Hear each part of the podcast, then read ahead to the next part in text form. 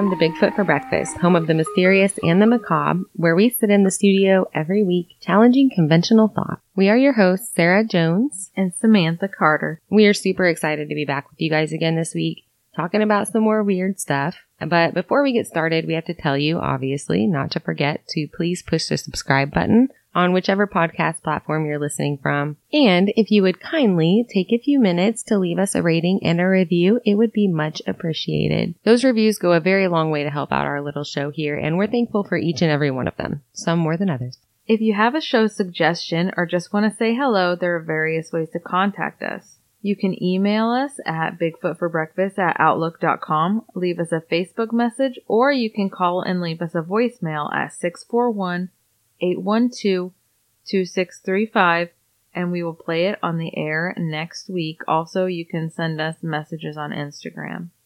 Oh yeah, I forget about old IG. Uh, we got a really good Instagram message actually last night. I was talking to Barry, who had some really good input for us on the format of our show and stuff. So that was great. We're always glad to hear from people who listen, and we're happy to take any suggestions that you might have for us. Seriously, it really makes a big difference and it makes us feel good. You know, we get a lot of people that are telling us we really like the show, but you know, you could do this. We could see this different from you. But they always seem to be really polite and seem to be fans. And we truly do appreciate any suggestions you guys give. Yep, absolutely. So shout out Barry. Thanks for listening. We're really glad to hear from you and stay in touch. Yeah. Thanks, Barry. So we're back in the studio. We've been a little off schedule lately and we're sorry about that, but things have been kind of crazy with this whole quarantine thing. We have all these kids and they're Yeah. always here. They're always here now, which, you know, which is great, really. But it's loud and It's- sometimes it's hard for us to get in the studio and get our stuff handled. Yeah, it's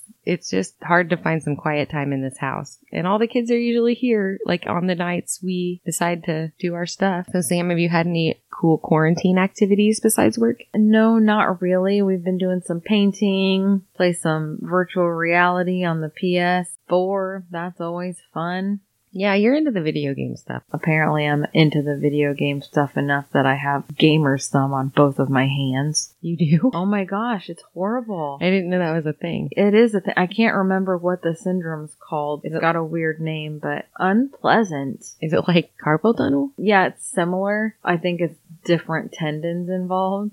You get carpal tunnel from typing, right? Yeah. Typing Yeah. too much? Repetitive motion in your hands. Oh, Just okay. repetitive motion. Crazy. Also, I'm a really hard typer, so I suppose that has something to do with it. And maybe it's because I hit the space bar so hard with my thumb. Oh, I remember that about you from high school even. You still are like that? I remember mom would yell at you because she was afraid you were going to destroy the keyboard. I'm very passionate about it, I I guess. I don't know. You're really getting into that message or whatever it is story you're writing. It's hard enough to have it on one hand and I have it on both. Well, hopefully the weather will turn a little warmer and kill off this virus that we got going on. I've been getting a lot of gardening done. Flower gardens, they're getting beautiful. I don't even have gardens yet. We have several, but admittedly they're inherited from when we bought the house, so I've just felt obligated to keep them up.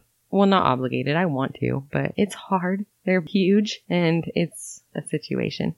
But I think this year I'll get it whipped just because I can't leave, so I need some mindless crap to do. So I listen to podcasts and garden stuff. Yep, this will be like my first solid. I was in our house last summer, but there was a lot of, you know, renovations and work and settling in and stuff going on. And I didn't really have any plans for what I wanted to do. So this year I think I'll try to get some of that stuff done. Yeah, I get some gardening done. It's Yeah. kind of fulfilling, to be honest. You get it all done, and when it looks really pretty, you feel really proud of yourself. I do, anyway. I love it. I kind of do love it. I struggle with being outside. I love being outside. Well, I get so itchy. it is itchy out there. I think my flower garden has a mission to kill me every year, and I mean that. Well, you have such sensitive skin. I mean, you're so sensitive. There's something out there though, and I don't. I'm not 100 percent sure on what it is. Like I've got now. You're terribly poisoned most of the time. It's on my face. Do you see Yeah, it? It's everywhere all And the time. So, but that last year, it was like a hundred times worse. Remember, I had the blisters and it wasn't poison ivy. We came to the conclusion that it was stinging nettle. I don't, I've never had poison ivy, but if it's anything like stinging nettle, it was the worst thing. Ooh, I've had poison Ever. ivy one time and it was horrific. I was kind of gun shy this year about going back in there, but I did it super early and I pulled up a bunch of questionable vines and plants before they had a chance to attack. So, Clearly not. Well, better than last year. Yeah. This is nothing compared to what last year was. So, whatever. Hopefully things will go back to normal for people. I've honestly been kind of enjoying the everybody being at home family time that we've been having. I really have been. I've kind of loved it.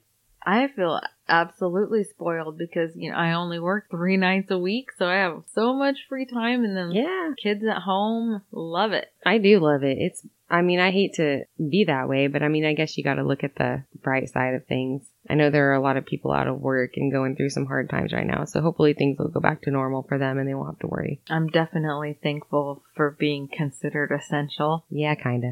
And sometimes.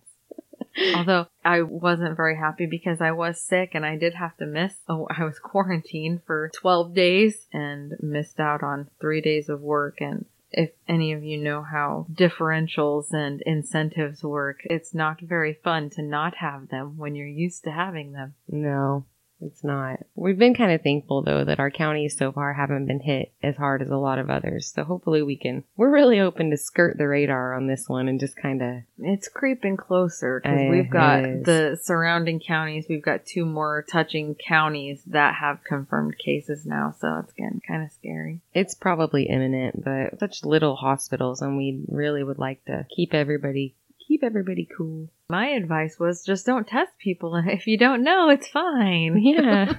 Cannot confirm. Yeah, exactly. so lately, let's get on with this whole show we're doing. Lately, we've been covering kind of a variety of things from missing people to UFOs, government conspiracies, and then there was last week's clown situation, which I wasn't fond of. I think we can we did have quite a few people that were quite fond of it. Well, that's good. At least there's somebody. And you know what's really weird is that since we did that episode, I'm on this Facebook group that is quarantine karaoke. And did you see I posted on our Facebook page there was a guy on there that was doing a karaoke set and he was a creepy clown and he was doing covers of these really awesome songs. really cool. I wish I could remember his name so we could shout him out, but it's on our Facebook page. So you should go check him out. It was really cool. But I thought it was coincidental that we did that episode and then the next day there was that. And then last night I was surfing through on my Amazon video and I found a movie that I hadn't seen called Clownado. Not Clownado. Is that what you said? Yes, Clownado. So it's like Sharknado with clowns? with clowns. That's awful. Yes. Why should, Send in the clown. why would that ever happen? I was really disappointed. I was like, I really wish that I had seen this movie before I did that episode. Yeah, then we can talk about it then. Stand by for the later review because I didn't get to finish it. We also want to take a few minutes to let you in on some recommendations that we have for some other shows. We know a few that may pique your interest. The Question Everything guys, Semperfi Rob, Sean, and the Mick host a show where they pick a different topic every week that usually seems to coincide with issues that we seem to be facing at the time as American people, and they discuss it. They usually do a Facebook Live every Saturday, and then they'll post the edited version to the podcast platforms a few days later. They also take call-ins from guests who have anything to say regarding the topic that week. So if you can relate in some way or have an opinion, get on their Facebook Live and give them a call and chat them up for a while.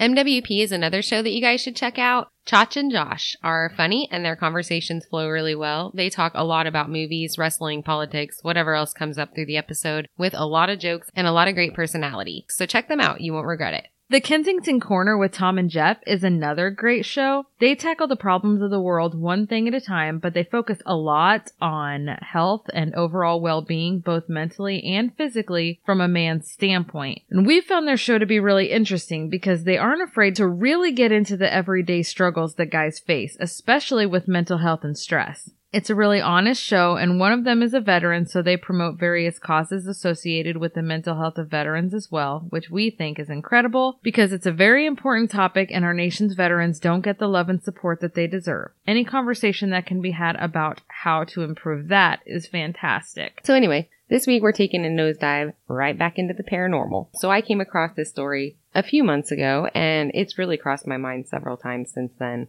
There are a lot of stories out there when it comes to ghosts and demons, obviously. Some of the stories seem pretty standard. Then there are several that I read that seem so sensationalized that I'm not sure that I believe them or I have a really hard time using the word standard when you're talking about demon possession. Oh, it's just just your average everyday possession, no big deal. well, sometimes the stories get kind of redundant. yeah, They're also they similar. are similar. But then you run into this one and it kind of stood out to me and it really makes you think about what could be out there beyond the veil and how sometimes whatever it is seems to kind of slip through. Sometimes for a fleeting moment and someone might catch it just quick enough to make them wonder even if they saw anything at all.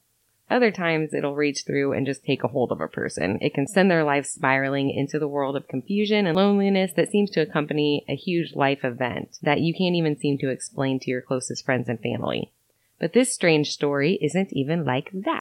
These events that plagued one man were witnessed by a lot of people. They were witnessed by many and actually pretty credible people. So I found that one more enticing, I guess. So a lot of times, yeah, stories sound really cool, but no one else saw it and you can't prove it. And this was something lots of people saw. It was I- crazy. Yeah, it's great to have that corroboration. For sure. It's very validating, especially for the person who's experiencing it firsthand. Now we have some criticism of this case, which, you know, that's, that's a thing. So. There's always gonna be. Yeah, and he has an explanation for even that because my kind of thinking when I was reading his criticism was, well, how do you explain everybody everybody corroborating it? He even shoots that down. So we'll get to him too. Okay, Sam. Yeah, it's it's one thing to have your life completely thrown into chaos by something natural or normal, something that other people can see and relate to, something that you can talk about. It's quite another to be completely unable to explain the chaos and unable to fight back, mostly because you don't even know what you're fighting. It's strong and it's terrifying, following you wherever you go. People you love, people who love you and support you can see it too, and they're powerless to fight it too. They don't really know how to help you or how to save you. Kind of like Sam's addiction to cats. I don't need saved. Mm-hmm. Well, actually, I do need saved. I need saved. Your because- cat is horribly Oh mean. my god. well, I have a really mean demon cat, and then I have one that is it's smothering. Really, they're really hot and cold. You just don't know what you're gonna get from those guys. You're gonna get snuggled, and then you're gonna get bit. When and then they're sorry, and then they snuggle you again. They're sorry. So this week we're going to bring you a story from Stroudsburg, Pennsylvania, February 1983. A funeral was taking place in town and as 21 year old Don Decker stood with sobbing family and looked on as the casket was lowered down into the ground, he felt a strange sense of relief. He wasn't sad that this man was gone and for Don, not only was his grandfather 63 year old James Kinshaw being laid to rest, but hopefully feelings of resentment and anger were being laid to rest as well. His grandfather was an incredibly negative person in his life. It wasn't strange to him necessarily that he was relieved, but to others in his family who would not have understood. Keep this in mind because as the funeral went on and Don heard family member after family member recount their stories of love for this man who he considered to be nothing more than a monster, he began to experience not only feelings of relief, but now anger. It built up inside of him the entire time as everyone stood around singing his praises until the man who was his grandfather was lowered firmly into the ground. And then he still felt it. Don Decker's grandfather was abusive and he hated him. He physically tormented Don from an early age, but Don took this opportunity to gather with family, not because he was sad or that he wanted to be there, but because that was what seemed appropriate. His attendance felt obligatory. He hadn't seen his family for some time because, as life sometimes goes, Don had made some mistakes early on and he was serving prison time at the Monroe County Correctional Facility for a charge of receiving stolen property. He got to leave jail for a few days to return home since his grandfather had passed. He got back to Stroudsburg to find that his mother didn't want him to stay at her house. I'm not sure what the deal was with that, but from what I had read, it seems that she was mad at him for having gotten into trouble, and they weren't really on speaking terms. Many moons ago, this situation that we will be discussing today was featured on an episode of Unsolved Mysteries with Robert Stack. Don Decker was personally interviewed and was stating that he felt free after his grandfather's death. He seemed to feel that he had held those feelings towards his grandfather and his abuse inside for so long that he thought that maybe this would allow him to let them go and that things would take a turn for the better in his life. It seems like this feeling of freedom and relief was really short lived though and was replaced by a whole different type of anger pretty quickly. From the sounds of it, his family had all but disowned him for his stint in prison even though, like we said, the charge was receiving stolen goods. So it probably wasn't Don Decker's proudest moment, but for sure, I wouldn't think it'd be anything to disown your family member over.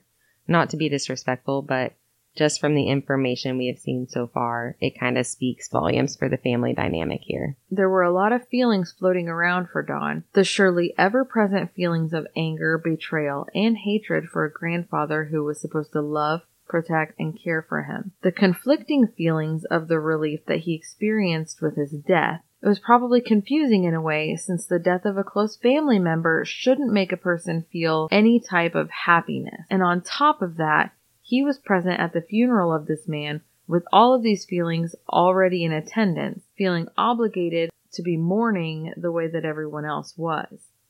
His family was there too, and they were angry at him and had cast him out due to his own mistakes, but then were genuinely distraught over the death of this terrible man and singing his praises throughout the day. I would imagine that that is a very lonely and isolating feeling. Obviously, Don didn't go home with his family.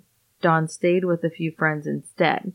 Their names were Bob and Jeannie Kiefer on Ann Street, and the three of them left the funeral quickly once it had wrapped up and Don had his fill of pretending to be sad out of respect for his family.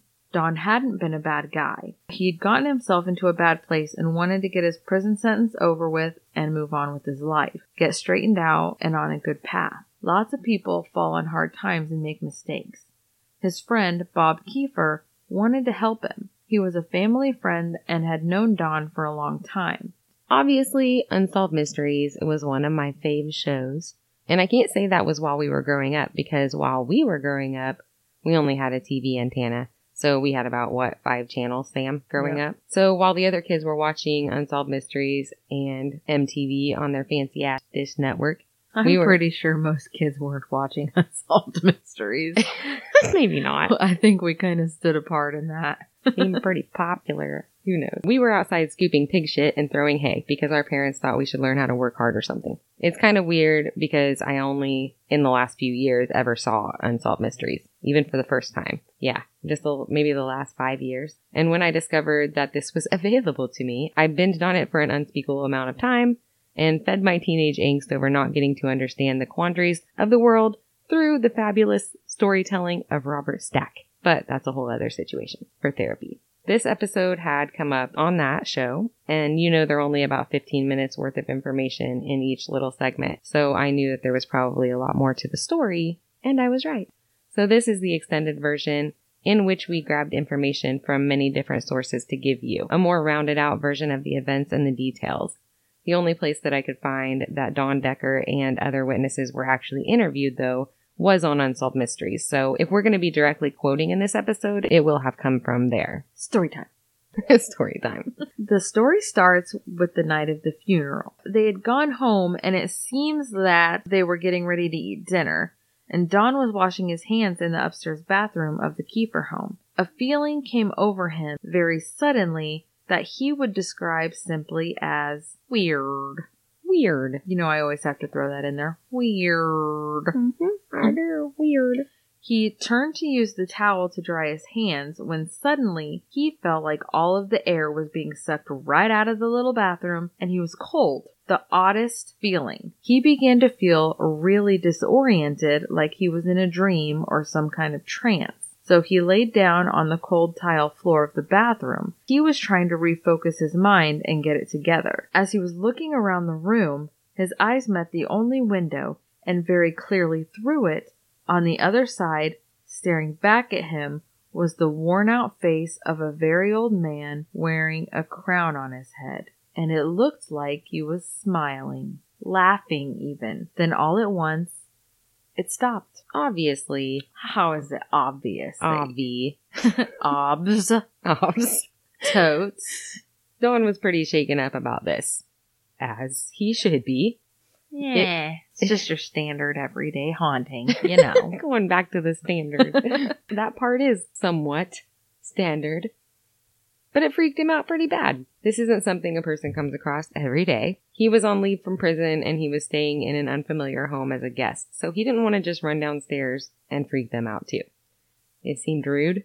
I don't know. He decided that he wasn't in the best position to talk about it and he just kept his mouth shut when he walked downstairs for dinner. But as he walked downstairs for dinner, Bob noticed something weird about Don. Weird. Weird. He had deep scratches on his forearm and they looked like claw marks and it was bleeding. Don didn't notice this previously, probably because he was so shaken up and adrenaline filled. You know how that goes. He could only insist to Bob that he had not done it to himself. When Bob naturally implored further as to why he was all scratched up, Don, still shaken up, simply told him, There's something upstairs. Someone's at the door.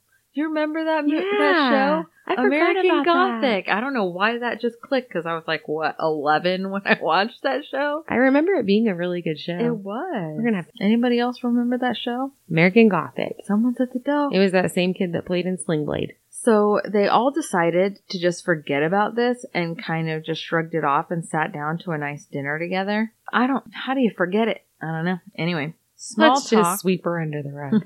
Small talk at the dinner table had led them to forget the incident and reminisce for a time. So after dinner was all over and things were cleaned up, they all retired to the living room and were relaxing and watching television when a cold burst of air suddenly rushed through the living room, just your standard everyday haunting. So it felt really similar to the cold vacuum of air movement that he had experienced in the upstairs bathroom. Pretty soon after this, Jeannie suddenly sat upright on the couch, telling Don that there was a big problem, I'd say. indicating towards the wall there in the living room.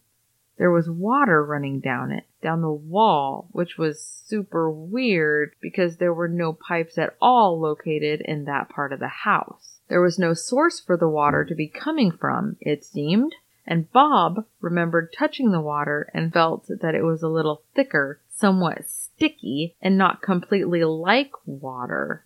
Every time he describes it, I think of like plasma from the Ghostbusters. It's plasma. Is it plasma? No, it's ectoplasm. Ectoplasm. ectoplasm. That's what it is. It's been a long time. ectoplasm. you must need to rewatch some Ghostbusters. Right. It's been a while. Clearly not me. no, you knew. You've been watching Ghostbusters. well, mostly because I really wanted my license plates to be Ecto 2, but apparently somebody already had that. Yeah. Jerks. Bastards. Anyway, after a few minutes of trying to figure out where the water was coming from and what to do about it, they noticed that now it had begun to drip from the ceiling as well. Don't cross the streams.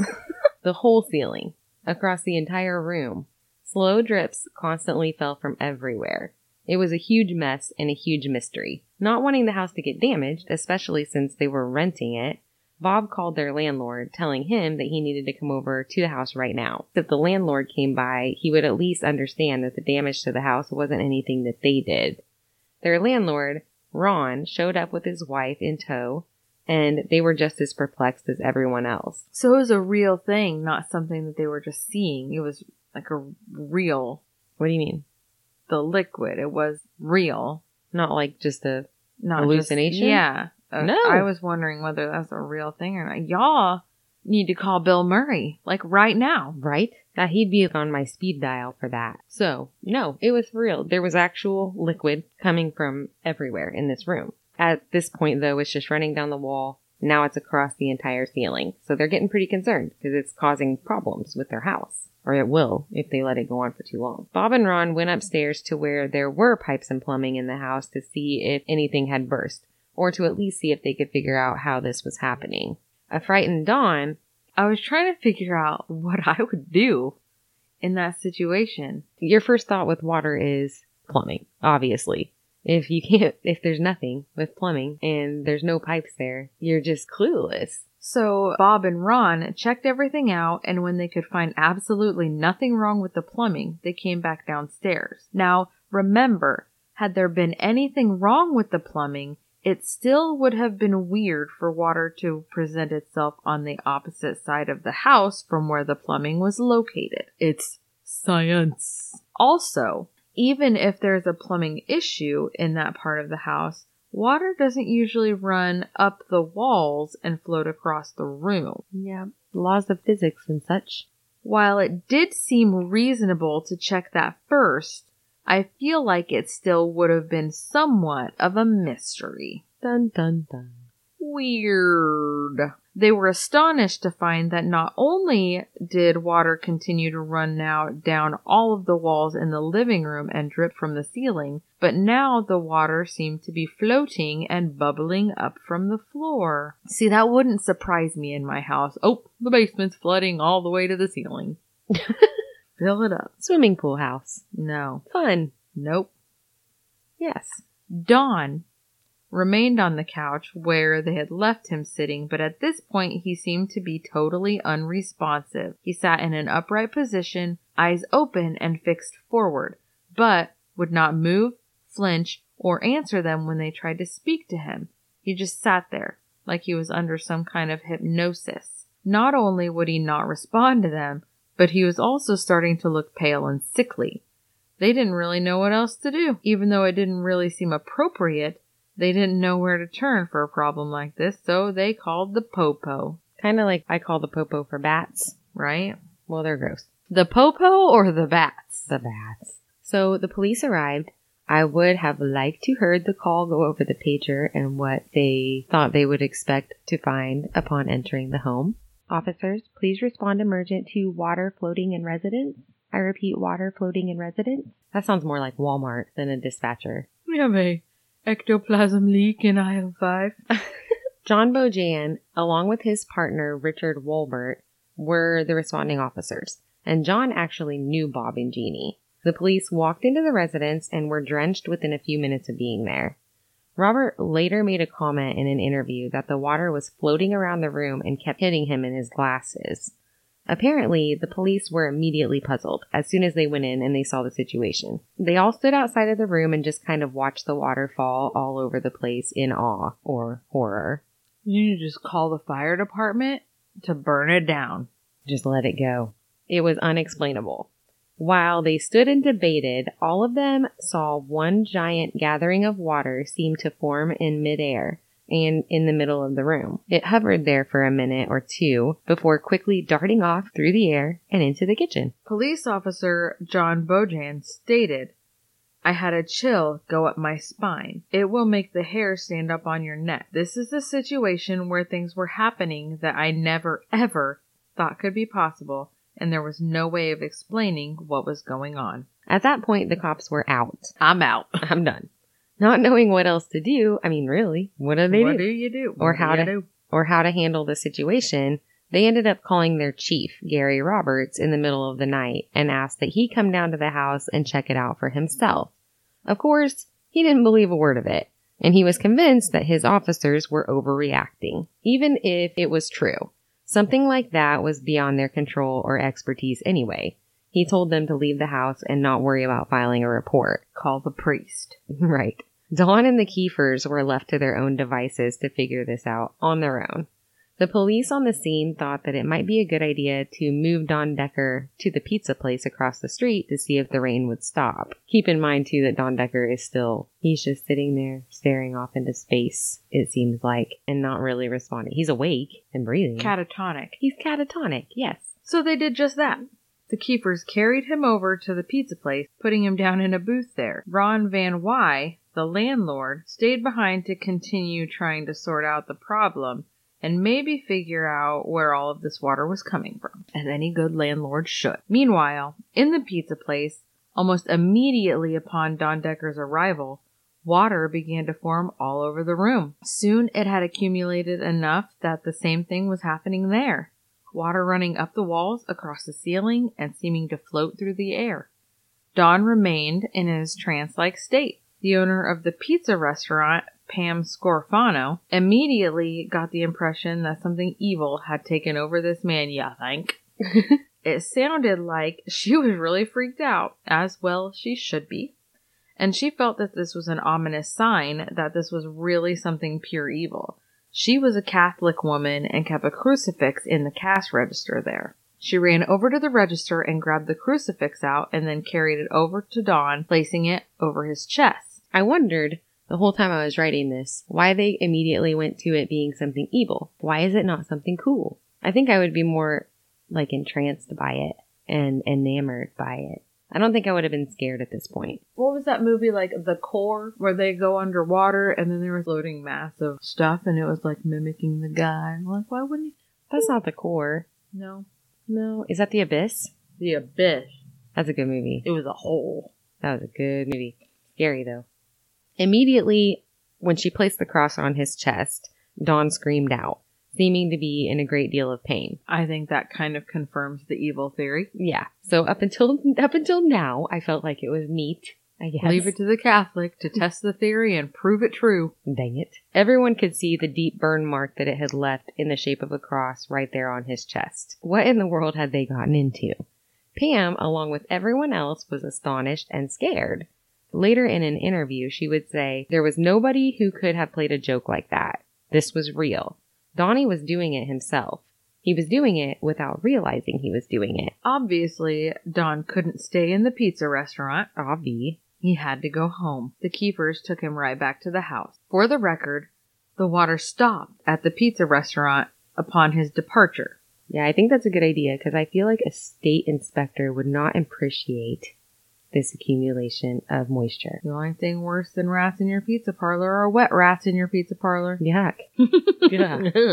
Yeah. Anyway, he was still catatonic. Kiefers decided to put him in a chair in the kitchen, and as they sat him down, they began to try harder to get him to snap out of it. I feel like burning him with a cross probably should have done it. Well, it did for a minute. Like he reacted, but still nothing responsive. They asked him question after question, becoming angry. Don still didn't move. He didn't flinch. His eyes didn't move when they spoke, and he certainly didn't answer. The water was back again in the kitchen, climbing the walls, bubbling up from the floor, and floating across the room as if they were in space. It would be, you know, you'd feel like an astronaut.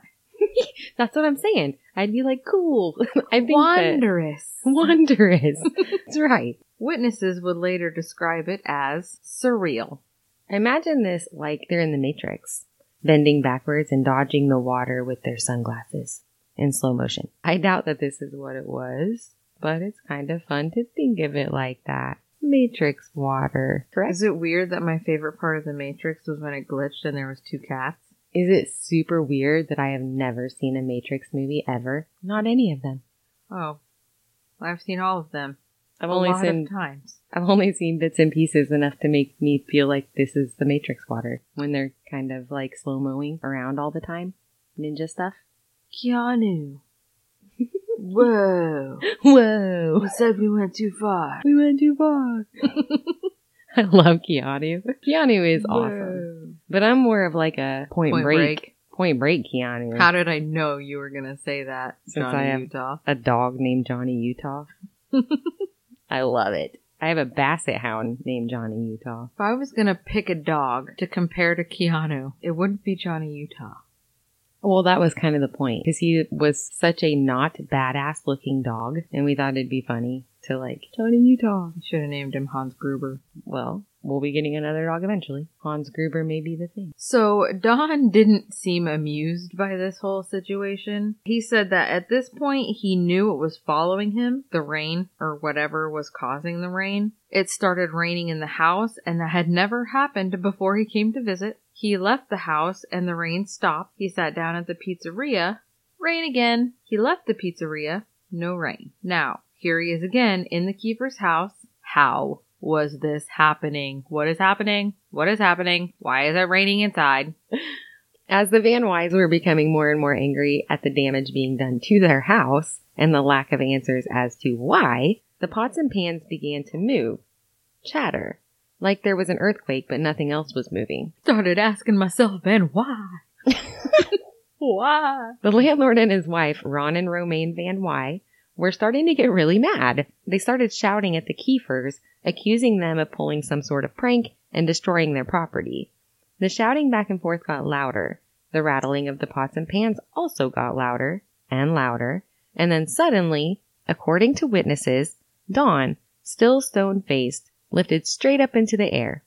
He hung there for a few minutes and then flew forcefully across the room, back and forth, hitting several times against the wall before whatever force had done this finally released him. As he fell to the ground, he seemed to wake up and become alert again. There were more scratches and marks on his arms, both arms now. So we're taking a turn for the evil. It's no longer wondrous. I'd say at this point, bring back the water. Right? Well, the water's still there. I was fine with just the water. The water's still happening. Give me the slime water. Quit throwing me into walls. Slime matrix we don't water. throw our friends. it was undeniable, whether they wanted to believe in that sort of thing or not. Don seemed to have been attacked by something paranormal. There was no way that he could be doing this himself. It was completely impossible. So they called the police back to the house and wrapped the claw marks on Don's arms. While Ron, the landlord, was attending to an injured Don, Jeannie Kiefer got out a Bible and started to read aloud. At that moment, the water seemed to be only around her and nowhere else. I feel like they're getting on the right track though on how to solve this problem. I'm pretty We've- sure I wouldn't want to be the one drawing slime water to me. Don had spoken about being lifted into the air and thrown across the room. Regarding that, he says, quote, It wasn't like someone had taken their hand and pushed me. It was like a feeling all over, all over your body at once. I'm a big guy and I've always been assertive, but that made me feel like a newborn. We also don't throw our newborns. For the record. Eh. So Romaine Van Wy, who's the landlord's wife, or I guess also the landlord, landlady. Merman. oh my gosh. Story merman. time. Story time. We were watching this movie called Velasa. What, what did I say it was? I don't even Oh, know. Velocipastor. and it's hilarious and you have to watch it. If you haven't seen Velocipastor, it's so worth it. And don't shut it off halfway through. You have to finish it. Suffer. Anyway, yeah, you will suffer. but no, it's amazing. So It's that good kind of suffering. and there's a character in the movie. I don't remember his first name. but His last name was it was like Billy Mermaid or something like that. I can't remember what the first name was, but his last name was Mermaid. He's a pimp. So you want to want to know why they call me Mermaid? Because you're swimming in bitches. That's right. Okay, dude who wrote this movie, you are epic. You're swimming in bitches. Swimming in bitches. So my name's Merman or Mermaid. That's awesome. A little. Johnny Mermaid, something something like that. Gator don't play no shit. Gator don't play no shit. Ass up, inflamed. What? He Ass met- up, inflamed. Yes, Gator's wife was a doctor and he met her in the ER because he had poison ivy on his ass. Couldn't remember that. It's a love story for the ages. Did you just say America? Little LRB, Little River Band. All right, moving on. What did what did Romaine say about the incident, Samantha? Good. It's good. What movie is that from? Bruce Almighty. Oh yeah. We watch Good. way too many movies if you haven't noticed. I believe there was an evil spirit, you know, or a demon that possessed his body and caused this.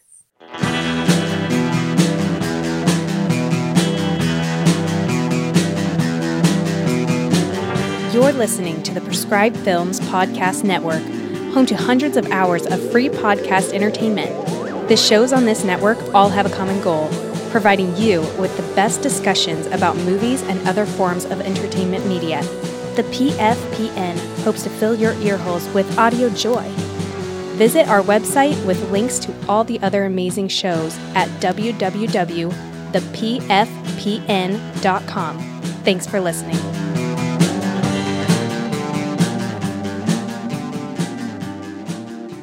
The whole time that the Kiefers had been with Don in the pizza place and then back in the kitchen, officers Bojan and Wolbert, the ones who had responded previously, had been back at the police station still trying to convince their chief, Gary Roberts, of what they had seen. He didn't believe a word of it, but when the officers got called back to the house, Gary Roberts decided to tag along and see what the fuss was all about. These are the kind of situations where you want the body cams Yeah, for real. Well, I think you want the body cams all the time. and cell phone cameras. Heck yes. The chief was kind of a no nonsense guy, straight faced, straightforward, and very skeptical of the magical matrix water that his officers had been going on about. But Chief Gary Roberts also seems to have seen what everyone else did in this situation.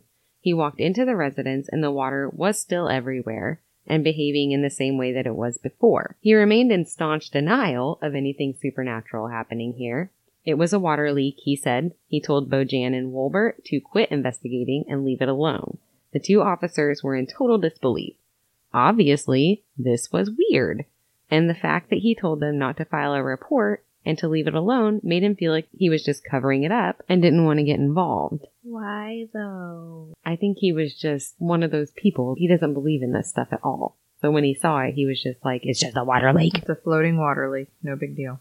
Ignore it. Didn't happen. Officer Bojan would later state that he got the impression that the chief felt like he was put on the spot, like something was expected of him in this situation and he didn't have the answers. There was no way to explain what happened, and he was put in a position where maybe he felt a little uncomfortable. He flat out denied that it ever happened and tried to convince me that it didn't happen, but he wasn't going to do that. I saw it, and that's all there is to it. And that's a direct quote from Officer Bojan. The next day, a couple of more officers, along with officers from the previous night, visited them even though the Kiefers had told them that it probably wasn't the best time. The two new officers in attendance were William Davies and John Rundle. The officers wanted a few more witnesses to the incident since their chief, Gary Roberts, was still not convinced that anything weird was going on, and he once again ordered the officers to just forget the whole thing. Denial ain't just a river in Egypt, bud. But how could they forget something like that or ignore it? When they first got there, things in the house seemed to have pretty much returned to normal. The water was not falling everywhere anyway. They decided to test the waters. Get it? Get it? Officer Davies had heard about the incident and the pizza place where Don Decker had been burned by the crucifix as it was laid upon his chest. He asked Don to hold a cross that he had brought with him. Don took hold of the cross and immediately started to say that it was hot and he couldn't really hold on to it. Davies kind of laughed it off as though he didn't really believe him. Almost immediately, he was sure to have changed his mind, as Don was seen to have levitated once again into the air and was immediately thrown across the room and again into the wall. On top of that, when the strange event was over, more scratch marks were noted on Don's body, bleeding. You know, I don't mention this later, but when the skeptic is going through this whole case, he never does explain the scratch marks, and I feel like if there's Let's see, the Kiefers, the two officers from the other night, two more officers, six people standing there watching this whole thing happen. I feel like they would have seen him scratch himself. You know what I'm saying? Maybe there's acid in the water. I don't know. It's a deal. It's just It a, deal. a deal. It's a deal. It's a deal. What episode did we keep saying that? Oh, it's a deal. I don't know. it's I though. couldn't stop saying it. It's a deal again. Lieutenant John Rundle, one of the officers who witnessed this incident in the Kiefer's home, stated, I have no answer for it whatsoever. He was thrown across the room like he got hit by an invisible bus. And there's your answer, folks. Invisible bus. That's what it is. I just draw a blank, even today. The other officer who was president, president, I always say president instead of crook. Lieutenant William Davies stated, I had been a cop here for four years. Never saw anything like this ever. I mean, there's always an explanation when something happens. You have to investigate. You come up with something. This is why it happened. In this case, there's no explanation.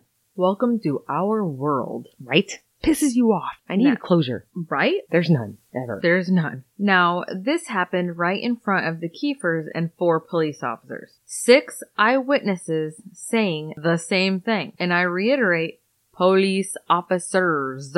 Mostly because I hold them to a higher standard. And I can't believe that four of them would just make up a story like this and stick to it. I believe that. I concur.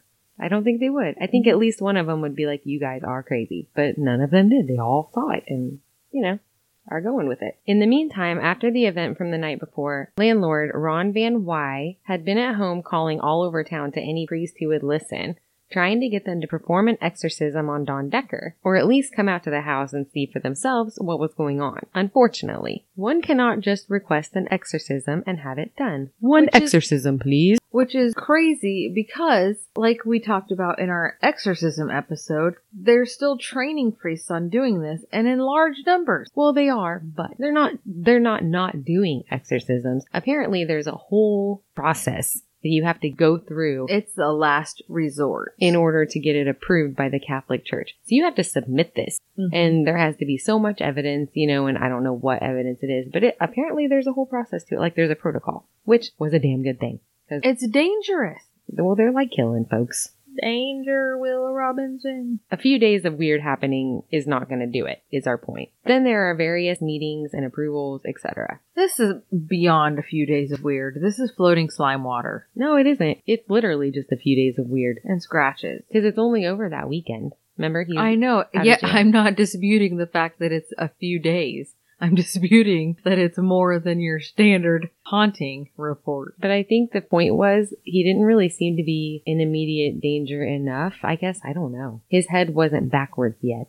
Invisible body slam. There was no pea soup yet. Not yet. Was there ever pea soup? Well, well we're, I'm not going to spoil the story, Sam. We got a story to tell.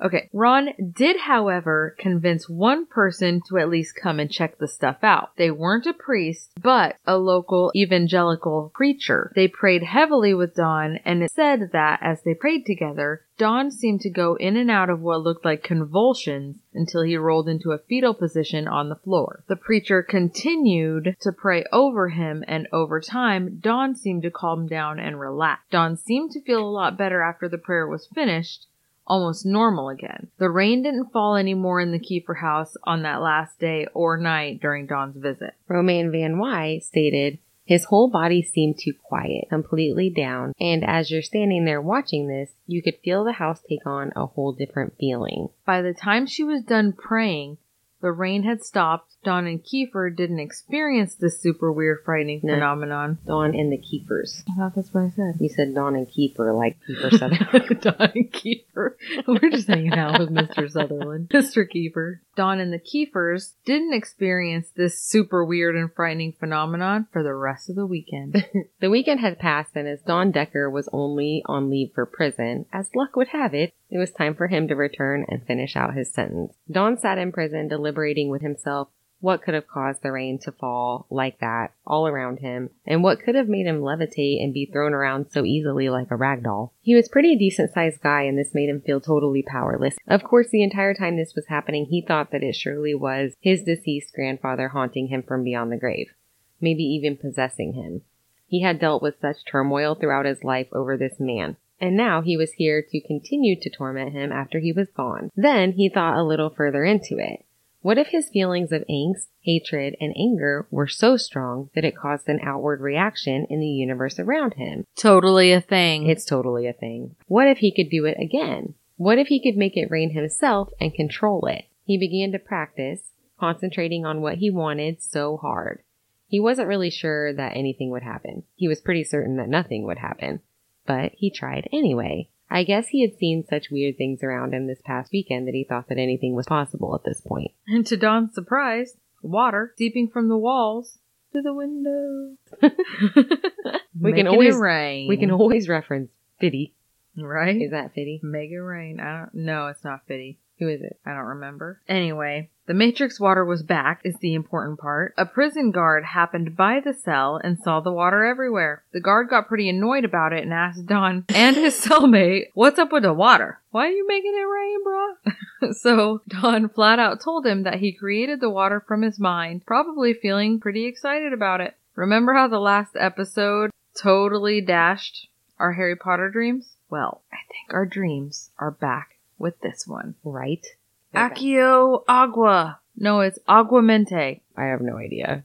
Aguamenti. I'm admittedly not that much of a Harry Potter fan. That's wizard speak for making it rain. Now, Harry Potter, Harry Potter, Harry Potter. Harry Potter's okay, but I can watch a Harry Potter movie, but I am definitely not obsessed. I don't care to go to Florida and be on the Hogwarts train and drink the butter. Be- is it butter beer? Is that what it's called? I lived my dream that summer, Yeah, and you, you can went. quit judging. The girls didn't even care. My daddy took me to Hogwarts. Like two And years we- ago. It didn't even matter that the kids were there. I even had, he even got me a Gryffindor robe hmm She has a robe. and I have a wand. I have two wands. Okay, honest. maybe six. no, it's only two. We should make parody with your robe and wands, and it should be Harry Potty. Harry Potter. Making it rain. Anywho, of course, the guard is calling bullshit on the water being manifested from Don's mind, so he jokingly told Don to make it rain in the office of the warden, David Keenhold. Don accepted this challenge, concentrating as hard as he could. Don created a raindrop to float in the air all on its own. He floated it through the walls and doors and cells until he hit the warden, Dave Keenhold, right in the chest as he worked at his desk. The guard went into Warden Keenhold's office to see him sitting at his desk with a puzzled look on his face and water all over the front of his shirt. Dave Keenhold was interviewed and stated, Why are you laughing? The situation. Water just hit me. Nowhere. I got wet. like, Oh. seriously, what would you say? oh Lord. So, what he said was, yeah, here it is. What he said. I was sitting at the desk and I was writing a report. I was all by myself in an administration area and nobody else was around. It was approximately 8 o'clock in the evening. At the time, I didn't feel anything. My shirt was drooping down. I didn't know what was going on then, and then the officer told me to look at my shirt. I looked down and my shirt was becoming saturated with water. The officer came in and was very frightened at the time, telling me what happened. I just didn't have any explanation for why it had happened. So it doesn't sound like it was raining in the office in the same way that it had been raining in his cell or in the Kiefer's house or in the pizzeria. But there was an unexplainable amount of water on the front of Warden Keenhold's shirt, where there seemed to be no water around to have gotten on his shirt. This is where we're at. I got wet. I wonder what that incident report write up would look like. Guard told a magic inmate to put water on my shirt with his mind. I can't even say it. Guard told magic inmate. Can't even say our own script. Sam, mm. stop laughing and say it. okay, hold on. okay, I got this. Guard told a magic inmate to put water on my shirt with his mind. Good enough. Oh my goodness, the things we go through. I knew I was going to laugh. It wasn't long before havoc was being wreaked at the correctional facility as well. Soon, Don's roommate was completely freaking out. That's fair. He was upset. It was raining in their cell from every direction possible. Raindrops coming from everywhere and hovering in the air, moving slowly across the concrete room. Obviously, there was nowhere for him to go, and Don was acting weird. He wasn't so much in a trance, but he wouldn't answer any questions when spoken to, and he seemed as though he were doing it intentionally. Which he was. At this point, he was. Don's roommate complained and begged enough that they removed Don from his cell and put him in a cell of his own. Several correctional officers saw this happening as well, and just like the Kiefers, they were completely enamored by it. The rain seemed to completely defy gravity, floating around in all different directions like something out of a movie. It crawled up the walls and across the ceiling, floating slowly through the air in all directions. It just didn't make any sense. One could surmise it was feckin' weird. Keep in mind at this point, we have those six people from before he went to jail who saw seven, including the chief, who didn't really believe it. And now we've got all these correctional officers and Warden Keenhold who are also saying the exact same thing. Oh, and roommate, Roomy. Roomy saw it too. Warden Keenhold was absolutely convinced that this was a demonic situation.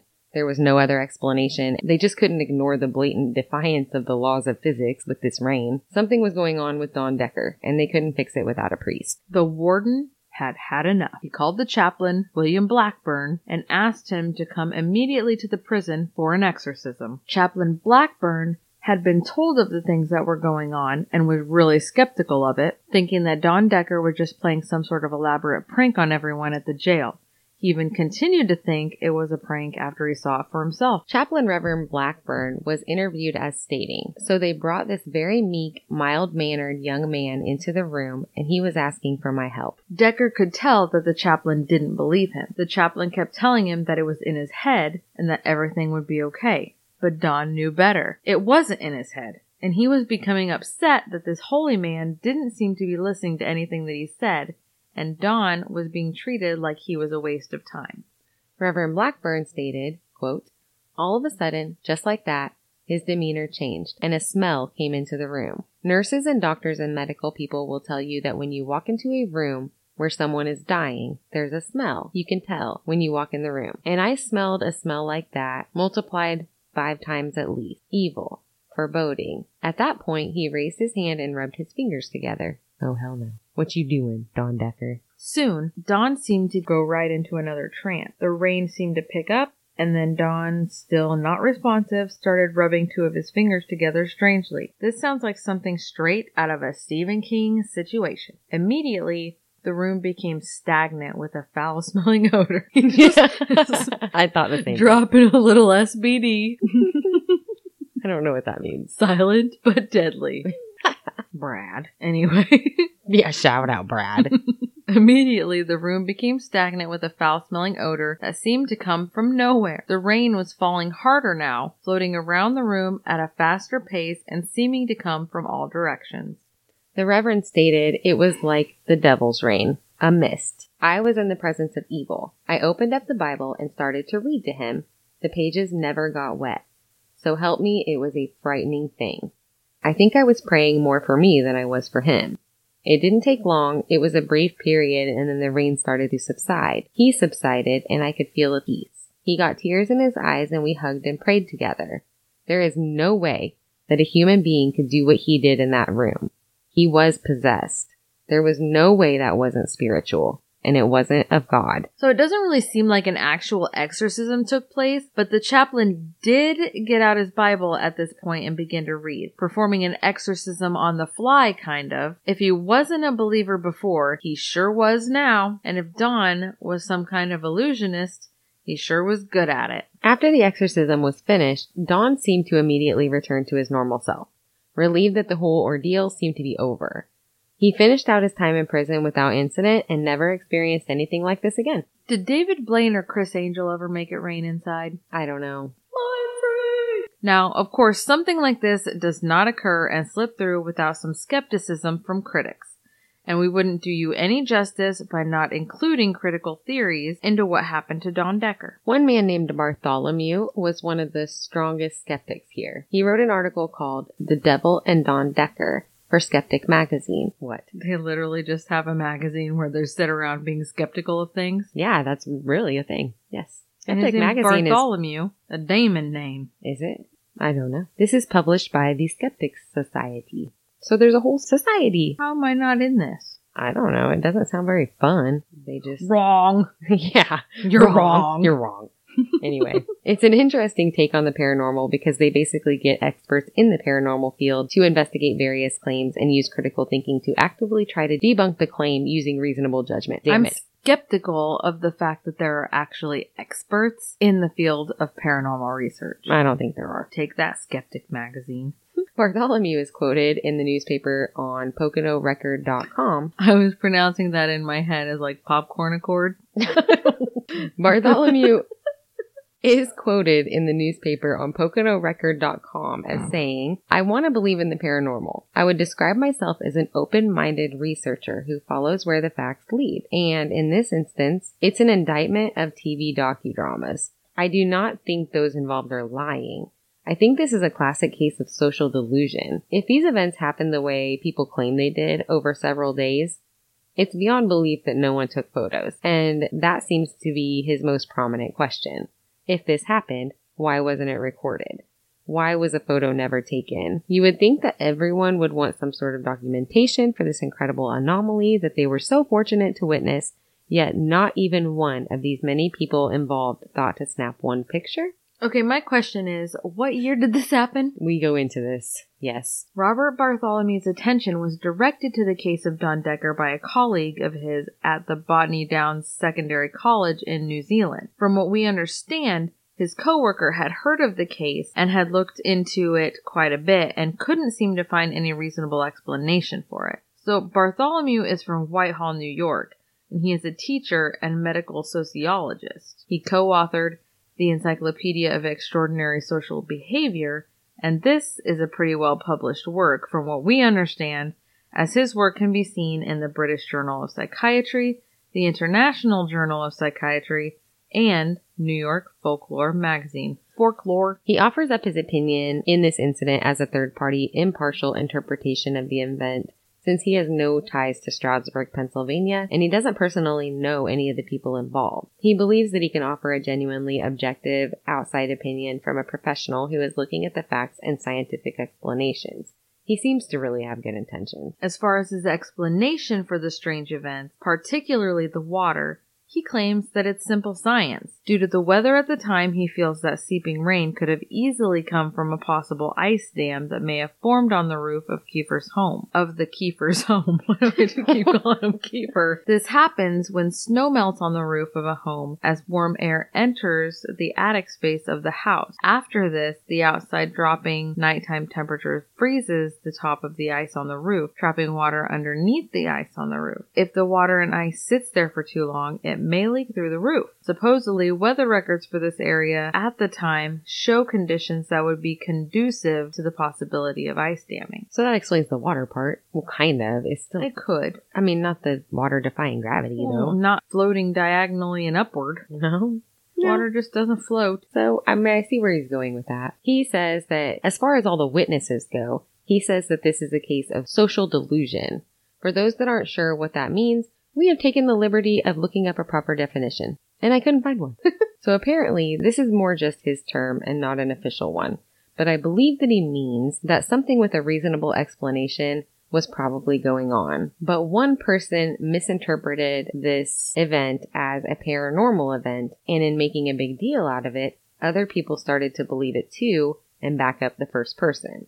People rarely want to be the odd man out, so they probably just kept it going with what the others in their group seemed to believe, perpetuating the story even against their better judgment. For the record, I do think this happens and is a real thing, but I don't think so in this case. I just don't believe that. There were a lot of people there that were officers, prison officials, the prison roommate, the Kiefers. I just feel like none of them had any connection and at least one of them would have called bullshit on the whole thing. Well, I feel like it's one thing to consider that if one person experienced something and then was explaining it to the other people, but they were all living it in real time They were seeing it. together. Yeah. It'd be like a group delusion. Which I guess maybe happens. I don't know, but I just, I don't know. I don't buy it. Especially because it wasn't just one event that a No, couple people, it was like they saw it a few times. Like those two cops that responded initially, they saw this three times.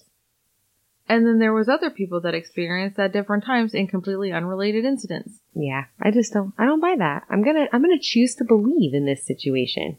We have some where we choose not to believe. This one I do. His next question. Why did they not call a television station to report or at the very least record this unheard of event? He finds it unfortunate and unreliable that all we have from this incident are a handful of eyewitnesses. I get his point a little bit. It sounds like these events weren't over and done with quickly. It seems as though they went on for hours at a time.